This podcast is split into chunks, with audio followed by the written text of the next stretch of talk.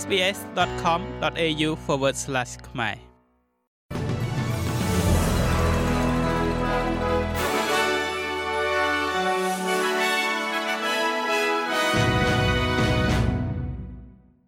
សូមស្វាគមន៍មកកាន់នេតិព័ត៌មានខ្លីៗរបស់ SBS ខ្មែរសម្រាប់ថ្ងៃច័ន្ទទី12ខែកុម្ភៈឆ្នាំ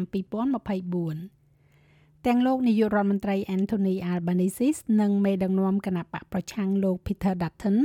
សុទ្ធតែស្ថិតនៅក្រោមសម្ពាធនៅក្នុងការផ្លាស់ប្តូរអត្ថប្រយោជន៍ពន្ធលើអចលនទ្រព្យវិនិយោគកំណែទម្រង់ពន្ធទំនងជានឹងគ្របដណ្ដប់ទៅលើការជជែកដេញដោលផ្នែកនយោបាយគណៈដែលសប្តាហ៍ប្រជុំសភាសហព័ន្ធមួយទៀតចាប់ផ្ដើមនៅថ្ងៃនេះគណៈបក Greens កំពុងស្នើសុំដាក់កម្រិតទៅលើច្បាប់កាត់កងពន្ធទៅលើការចំណាយលើអចលនទ្រព្យជួលដែលហៅថា negative gearing ដែលអនុញ្ញាតឲ្យអ្នកវិនិយោគ ទាមទារការកាត់កងពន្ធទៅលើការខាតបង់នោះ មកនៅត្រឹមតែអចលនទ្រព្យវិនិយោគតែមួយប៉ុណ្ណោះក្នុងមនុស្សម្នាក់ទោះបីជាយ៉ាងណាក៏ដោយ ទាំងរដ្ឋាភិបាលនិងគណៈបកប្រឆាំងបានច្រានចោលនៅសំណើនេះមួយទៀតនោះពាក់ព័ន្ធជាមួយនឹងមន្ទីរឃុំឃាំងនៅឯក្រៅប្រទេសតែការត្រួតពិនិត្យសាររើដ៏គួរឲ្យខឹងសម្បាមួយបានបង្ហាញថា ក្រុមហ៊ុនជាច្រើនដែលត្រូវបានគេសង្ស័យថាបានស៊ីសំណូកសោកប៉ាន់និងលាងលុយកខ្វក់បានធានាបាននៅកិច្ចសន្យារបស់រដ្ឋាភិបាលជាច្រើន តាមរយៈប្រព័ន្ធដំណើរការនៅឯនីសមុទ្ររបស់ប្រទេសអូស្ត្រាលីរដ្ឋមន្ត្រីក្រសួងមហាផ្ទៃលោកស្រី Claire O'Neil បានចេញផ្សាយនៅរបាយការណ៍នេះតែធ្វើឡើងដោយអតីតប្រធាន ASIO គឺលោក Dennis Richardson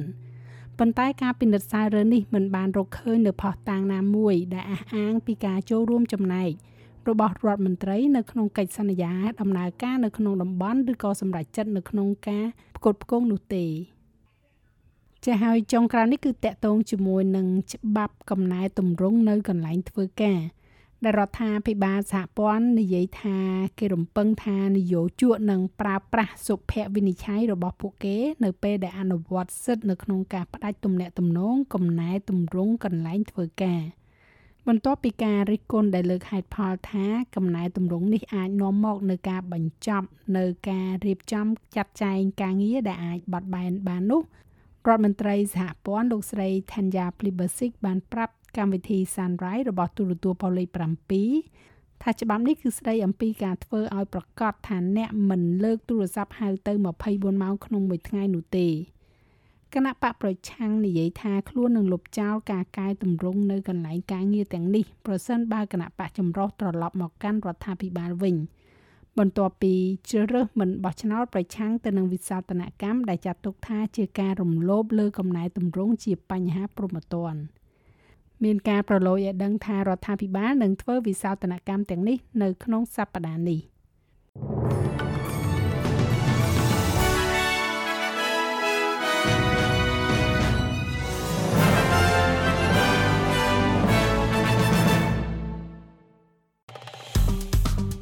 ចុច like share comment និង follow SPS ខ្មែរនៅលើ Facebook